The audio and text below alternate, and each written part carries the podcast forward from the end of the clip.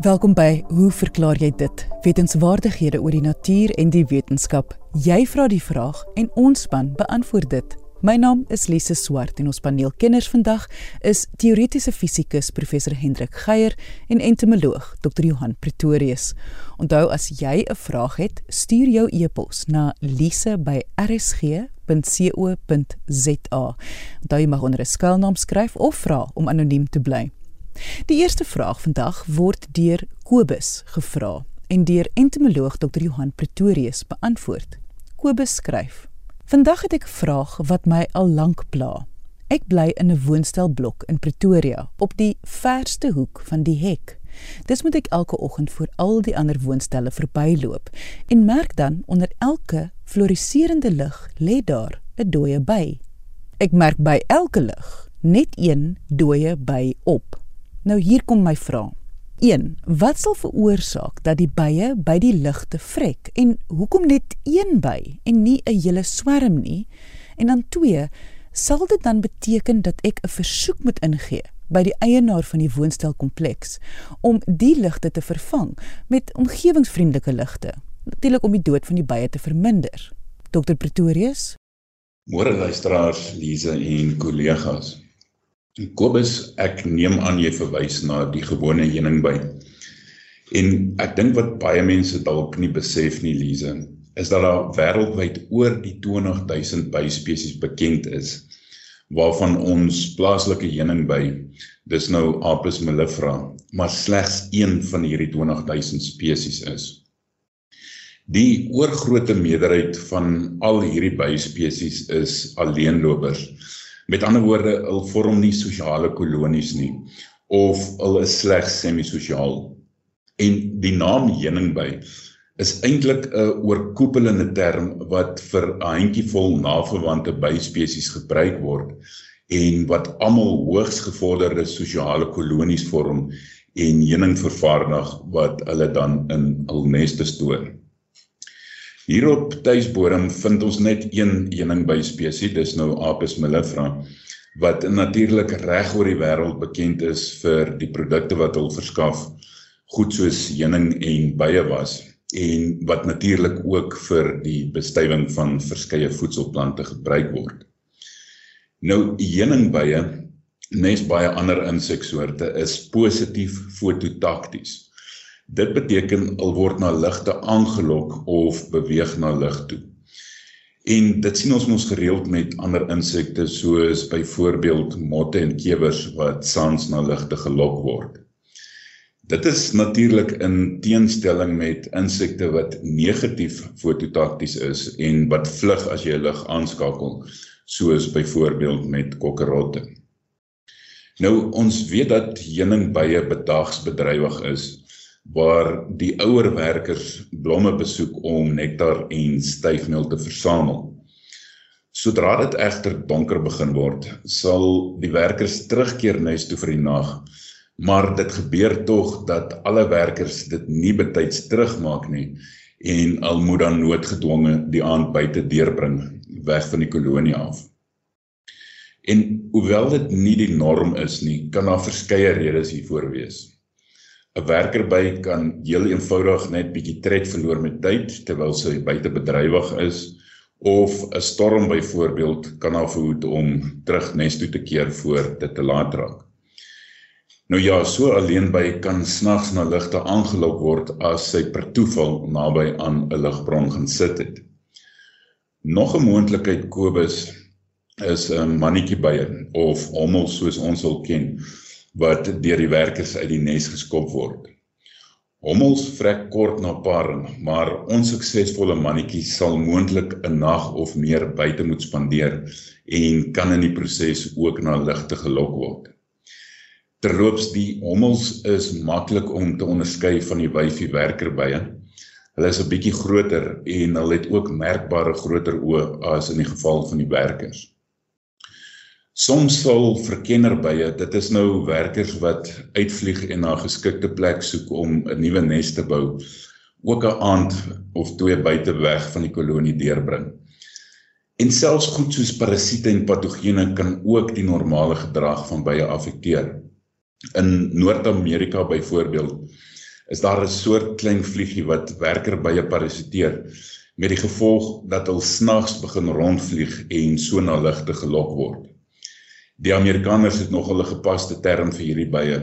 Hulle noem dit zombies. So Lize, hierdie is maar 'n paar moontlike verklaringe oor hoekom enkele bye snags na ligte aangelok word. Kobus noem ook dat hy slegs 'n enkele dooie by by elke lig opmerk maar ek dink dit is bloot toeval want ek sien geen rede hoekom een lig slegs een by sal aanlok nie. Persoonlik het ek al meer as een heuning by by die ultraviolet ligte wat ons gebruik om insekte saans mee te lok waargeneem. Die baie vrek gewoonlik omdat hul deur ligte gebrand word soos hulle die hele tyd teen dit vasvlieg. Veral by daardie ligte wat baie warm word of omdat hulle bloot uitgeput raak soos hulle heelnag om die lug te vlieg. Die ouer werkerbye wat verantwoordelik is vir nektar en styfmeelversameling, slaap snags in die nes en as hulle nie die geleentheid het om terug te keer en bietjie tank vol te maak en uit te rus nie, sal hulle maklik vrek as hulle heel aand ook nog om lug te rondvlieg. Werkerbye benodig so 'n omgewing van 4 mg bruikbare suikers per dag om aktief te bly. En as hul trialose vlakke in die hemolimf te laag daal en hulle kan dit nie aanvul in die nes nie, is dit 'n probleem. Nou, hoekom vlieg die hele swerm nie lugte toe nie? In baie gevalle bou heuningbye hul korwe in vooraf bestaande holtes en dit is meestal 'n donker, beskitte omgewing So daar is gewoonlik nie baie lig wat pla nie. Werkers wat saans reeds in die nes is, sal dit nie sommer verlaat nie aangesien hulle in slaap ingaan en die broed tesame met feromone wat in die nes afgeskei word, die reuk van die kolonie, asook die kosvoorraad sal hulle daar hou. Selfs waar bye hul korwe onder redelike oop omstandighede vestig, soos byvoorbeeld onder watertanks of groot takke en bome, sal die hele swerm nie die nes verlaat agter ligte aan nie. Die waarskynlikheid kom is dat 'n ganse swerm dus ewe skielik sal besluit om snags die nes te verlaat en agter ligte aan te vlieg is heel onwaarskynlik. Om Kobus se tweede vraag te beantwoord rakende 'n versoek aan die eienaar om die ligte te vervang, sien ek persoonlik nie juis enige voordeel daarin nie. Die ouer werkers wat buite kos versamel is al reeds naby aan die einde van hul bruikbare lewens en onthou dat daar duisende werkerbye in 'n enkele volwasse kolonie is. Daagliks sterf baie bye in so 'n kolonie as gevolg van goed soos predatore, patogene, ouderdom ensovoorts. Maar die kolonie kompenseer natuurlik hiervoor met die deurlopende produksie van nuwe werkers deur die koningin. Nuwe werkerbye verlaat nie die kolonie om heuning of eerder nektar en styfmeel te versamel nie. Hulle bly in die nes waar hulle 'n aantal take verrig voordat hulle éventueel in veld by 'n verander wat dan uitgaan op soek na kos. En dit is eintlik 'n briljante strategie as mens bietjie daaroor dink, want die jonger werkers in die nes kan in die veiligheid van die kolonie vir die volgende generasie bye sorg terwyl die ouer bye na aan die einde van hul lewens aan al die gevaar daar buite blootgestel word en vir praktiese doeleindes vervangbaar is. En Kobus al sou jy die ligte vervang met ligte wat minder insekte lok, sal die bye 10 teen 1 bloot by ander ligte in die omgewing gaan vrek. Maar ja, die uiteindelike besluit berus op jou en die eienaar. Dan net so laaste gedagte. Daar is absoluut geen twyfel aan die belangrikheid van die heuning by vir die mense in die omgewing nie. Hierdie bye besoek en bestuif 'n magdom plantspesies wat van groot waarde vir die ekologie is en wat belangrik is vir ons eie voedselsekerheid. Die heuningby word gekonfronteer deur verskeie uitdagings, maar die kommer oor bygetalle wat blykbaar in verskeie wêrelddele aan die afneem is, is nie so seer oor die heuningby nie, maar eerder al die ander byspesies. Kom ons noem hom maar die wilde bye. Soos ek vroeër genoem het, is daar duisende byspesies. Party is baie spesifiek oor die tipe blomme wat hulle besoek. Party is bietjie minder kieskeurig en ander soos die heuningby besoek 'n groot aantal plantspesies. En in klomp gevalle is van hierdie willebye baie meer effektiewe bestuivers van sekere plante as die heuningby en soms selfs die enigste bybestuivers van verskeie plantsoorte. En al is ons nie altyd bewus van hierdie bye nie, is hul impak in terme van die bestuiving van plante van onskatbare waarde. Die afname in bygetalle vir al hierdie wilde bye is dis glad nie goeie nuus vir ons planeet en welstand nie. Maar Elise op 'n ligter noot en net om af te sluit. Daar is sekere byspesies wat wel snags rondvlieg en blomme besoek, veral in tropiese gebiede. Die voordeel vir hierdie bye is dat hulle blomme kan besoek wat slegs saans oopmaak en daar is dus baie minder kompetisie van byspesies wat bedags aktief is. So Kobus, dankie vir jou interessante vrae en waarnemings. Ek hoop jy antwoord help. En dit was entomoloog Dr. Johan Pretorius. Indien jy 'n vraag het, stuur jou e-pos na lise@rsg.co.za of direk deur RSG se webwerf gaan net na www.rsg.co.za. Onthou, ook op hierdie einste webwerf kan jy vandag se volledige episode van Hoe verklaar jy dit gaan luister as 'n potgooi. Hannes Stein van Kleinmond vra die volgende vraag wat teoretiese fisikus professor Hendrik Geier gaan beantwoord.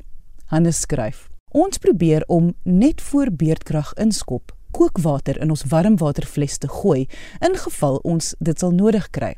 My vrou, as 'n reël, maak die fles heeltemal vol terwyl ek en dis nou omdat ek die en ek sê nou in aanhalingstekens vrek in die familie is, dit half vol maak.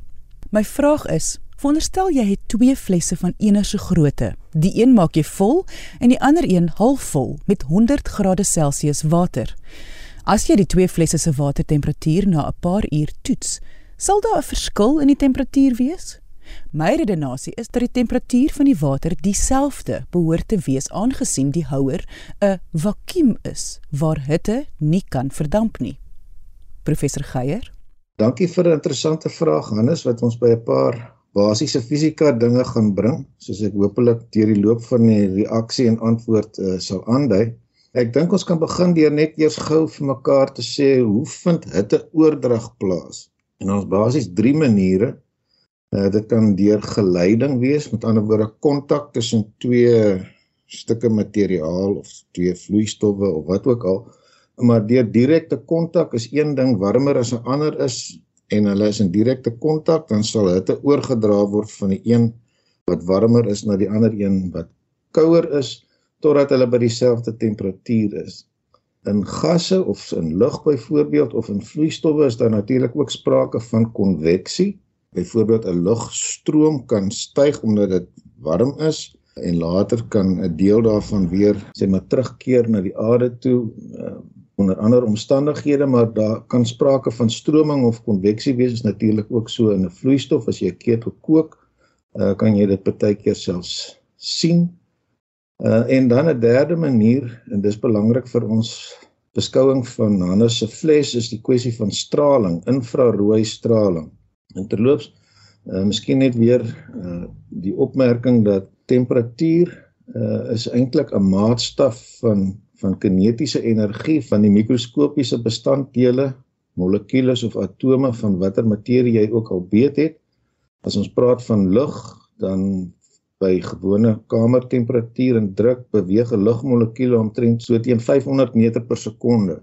In 'n vaste stof sit die atome of molekules tot 'n groter, baie groter mate of selfs uh, totaal vasgevang in 'n in 'n rooster tipe situasie maar daar daar is daar nog die moontlikheid van vibrasie of rotasie. So op die ou einde is temperatuur 'n maatstaf van beweging en ehm uh, hoe aktief daardie beweging is of dit nou translasie is, rotasie of vibrasie.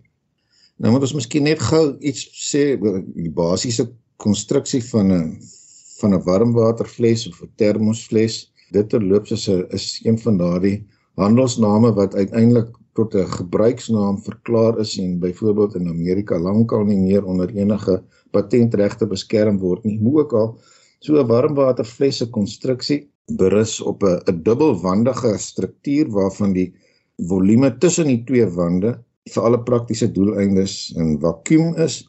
Hulle raak net aan mekaar bo by die tyd waar hulle nou uiteindelik weer saamgebring moet word natuurlik.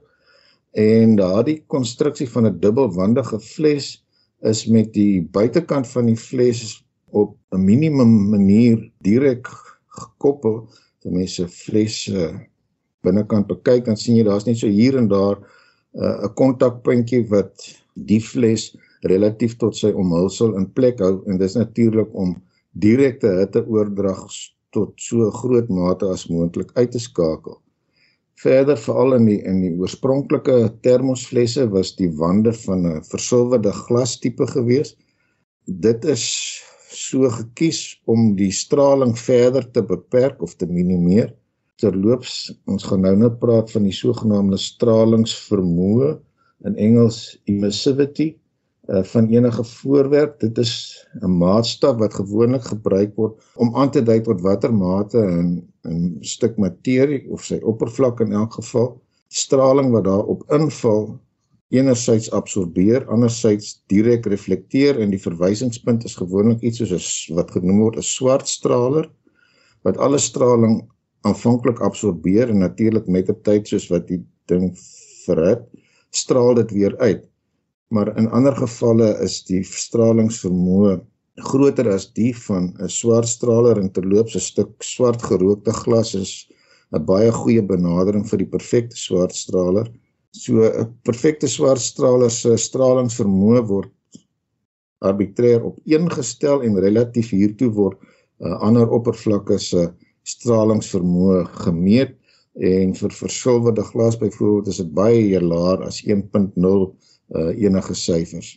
So die keuse van die wand is om straling verder te beperk, maar jy kan dit natuurlik nie totaal uitskakel. So hier sit ons nou met 'n termosfles en Hannes se vraag, gaan die water as jy dit nou by kookpunt of watter temperatuur ook al in die fles gooi en hom toemaak, gaan die goed langer warmer bly as jy hom volmaak of wanneer jy hom net half vol gemaak het of gaan daar geen verskil wees nie. Nou dit bring ons nou by die by die spesifieke analise hier wat ons kan net fokus op die hitteoordrag hoofsaaklik deur straling want geleiding is vir alle praktiese doeleindes uitgeskakel. Daar's nie sprake van konveksie hier behalwe natuurlik in die vloeistof self nie. Uh, so ons moet kyk wat kan 'n mens sê oor die vermoë of die tempo waarteen straling nou van hierdie warm water binne in die fles na buite gaan plaasvind. En hier moet ons net na twee goed gaan kyk. Die een is die sogenaamde stralingswet wat 'n naam gekry het van die mense wat oorspronklik die insig gehad het dat die natuur op hierdie manier in mekaar steek. Uh dit was ene Stefan en Boltzmann. Boltzmann is 'n bekende naam in in termodinamika.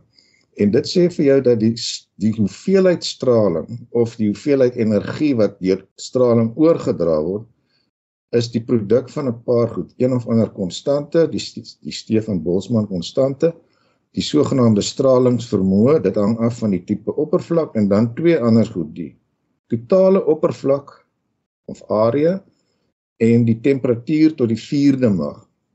So die hoeveelheid energie wat weggedra word deur straling hang vir alle praktiese doeleindes as jy nou eers 'n spesifieke materiaal met 'n spesifieke stralingsvermoë weet het af van die oppervlak en van die temperatuur tot die 4de mag. Wat ons nou verder moet vra is teen watter tempo gaan wat jy nou ook al daar weet het afkoel as die warmte of energie op hierdie manier weggedra word. En ons het in die onlangse verlede al verwys na die sogenaamde warmtekapasiteit van materie verskillende uh stowwe Die hoeveelheid energie hang af van die massa van die stof, hierdie warmtekapasiteit en die temperatuurverskil. En dan kan ons natuurlik die massa uitdruk as die produk van die digtheid van die stof en die volume. So aan die een kant het ons nou iets wat vir ons sê teen watter tempo word energie weggedra en aan die ander kant het ons nou hier iets wat sê teen watter tempo gaan die temperatuur afneem wanneer die energie op hierdie manier weggedra word. Dit bring 'n mens by 'n interessante stelling wat jy oor die algemeen kan maak. 'n Groter voorwerp stadiger gaan afkoel as 'n kleiner voorwerp wat op dieselfde skaal gekonstrueer is. Maar natuurlik is dit nou nie presies die situasie in die geval van Hannes se fles nie, want dit is dieselfde fles wat jy nou onderskeidelik halfvol en heeltemal vol maak. Die volume wat ter sprake is is natuurlik die volume van 'n silinder vir alle praktiese doeleindes. So eintlik sit 'n mens in die een geval met 'n kom ons sê maar 'n halwe silindertjie en in die ander geval met twee silinders bo op mekaar. En die oppervlak waaroor hierdie silinders onderskeidelik gaan uitstraal is presies dieselfde want die silinder se deursnit bly natuurlik dieselfde van bo na onder. So op hierdie manier gesien sou 'n mens sê daar gaan geen verskil wees nie, maar as die hoogte heelwat groter is as die straal, is die verskil in elk geval nie baie groot nie. So dit gaan nie 'n groot verskil maak die feit dat uh die verhouding van oppervlak tot volume vir die twee situasies 'n klein bietjie verskil nie. Wat 'n groter verskil gemaak is die feit dat jy natuurlik die halfvol fles uh in die halfvol fles se geval sit met die water plus die lug wat in die fles vasgevang word en daar gaan natuurlik warmte oordrag plaasvind van die warm water na die lug toe. Wat jy nodig het is om te weet dat die warmtekapasiteit van water is omtrent 4 keer die van lug. Vir elke graad wat die warm water se temperatuur afneem, gaan die lug se temperatuur met omtrent so 4 uh 4 grade styg. Maar nou aan die ander kant die hoeveelheid lug in so 'n fles wat half vol is, sê maar die fles fles is soos 'n fles in 'n tipiese liter, dan sit jy met 'n half liter lug. Uh dis nie baie lug nie. Die digtheid van lug is 1,3 gram per liter. So jy sit hier met omtrent 0.65 uh gram lug wat jy moet warm maak. Ehm um, as 'n mens sê die water is aanvanklik by 100 grade, die lug by omtrent 20 grade, dan met dit in aanmerking geneem gaan die temperatuur uiteindelik min of meer stabiliseer hier rondom 80 grade. So daar gaan 'n bietjie warmte oordrag van die warm water na die lug plaasvind as die fles net half vol is en dit gaan 'n effek hê. Duidelik gaan dit beteken dat die water in die halfvol geval uh 'n bietjie vinniger gaan afkoel as in die geval van die van die vol fles. Maar dit is dis relatief klein effekte uh die feit dat die volume tot uh of die oppervlak tot volume nie presies skaal met die hoogte nie, maar wel met die som van die hoogte plus die radius en die feit dat daar ook warmte oordrag plaasvind anders as net die straling deur die wand.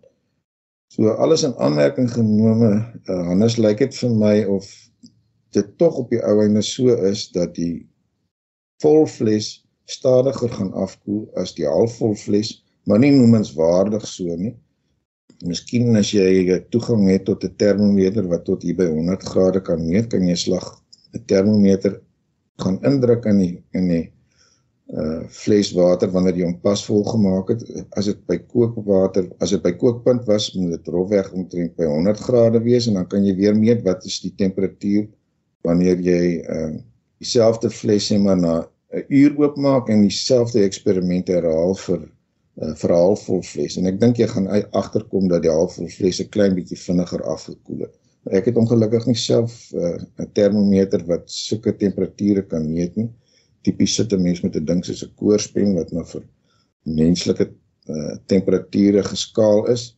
Uh, maar 'n mens nou kan natuurlik hierdie eksperiment gaan doen as jy die regte termometer het. So dankie vir 'n interessante vraag. Uh ek dink wat wat die basiese fisika betref, is dit nogal nie oninteressant om te werk met die algemene uitgangspunt dat as jy groot goed met klein goed vergelyk wat geskaal is, dan gaan die groot groot ding stadiger afkoel as die meganisme van afkoeling hoofsaaklik deur straling is. As daar baie geleiding ter sprake is, is dit natuurlik 'n ander kwessie. Uh maar mense sou byvoorbeeld kon sê as jy koekies in die oond bak en jy het groot koekies en klein koekies en jy haal hulle uiteindelik uit die oond en jy laat hulle staan om af te koel dan vir alle praktiese doeleindes sal jy agterkom dat die groot koekies bly langer warm as die klein koekies. En dit was teoretiese fisikus professor Hendrik Geier. Ek sê baie dankie aan ons kenners en vraagstellers vandag. Onthou om altyd nuuskierig te bly en vra te vra. Tot volgende week hier op RSG saam met my, Lise Swart. Totsiens.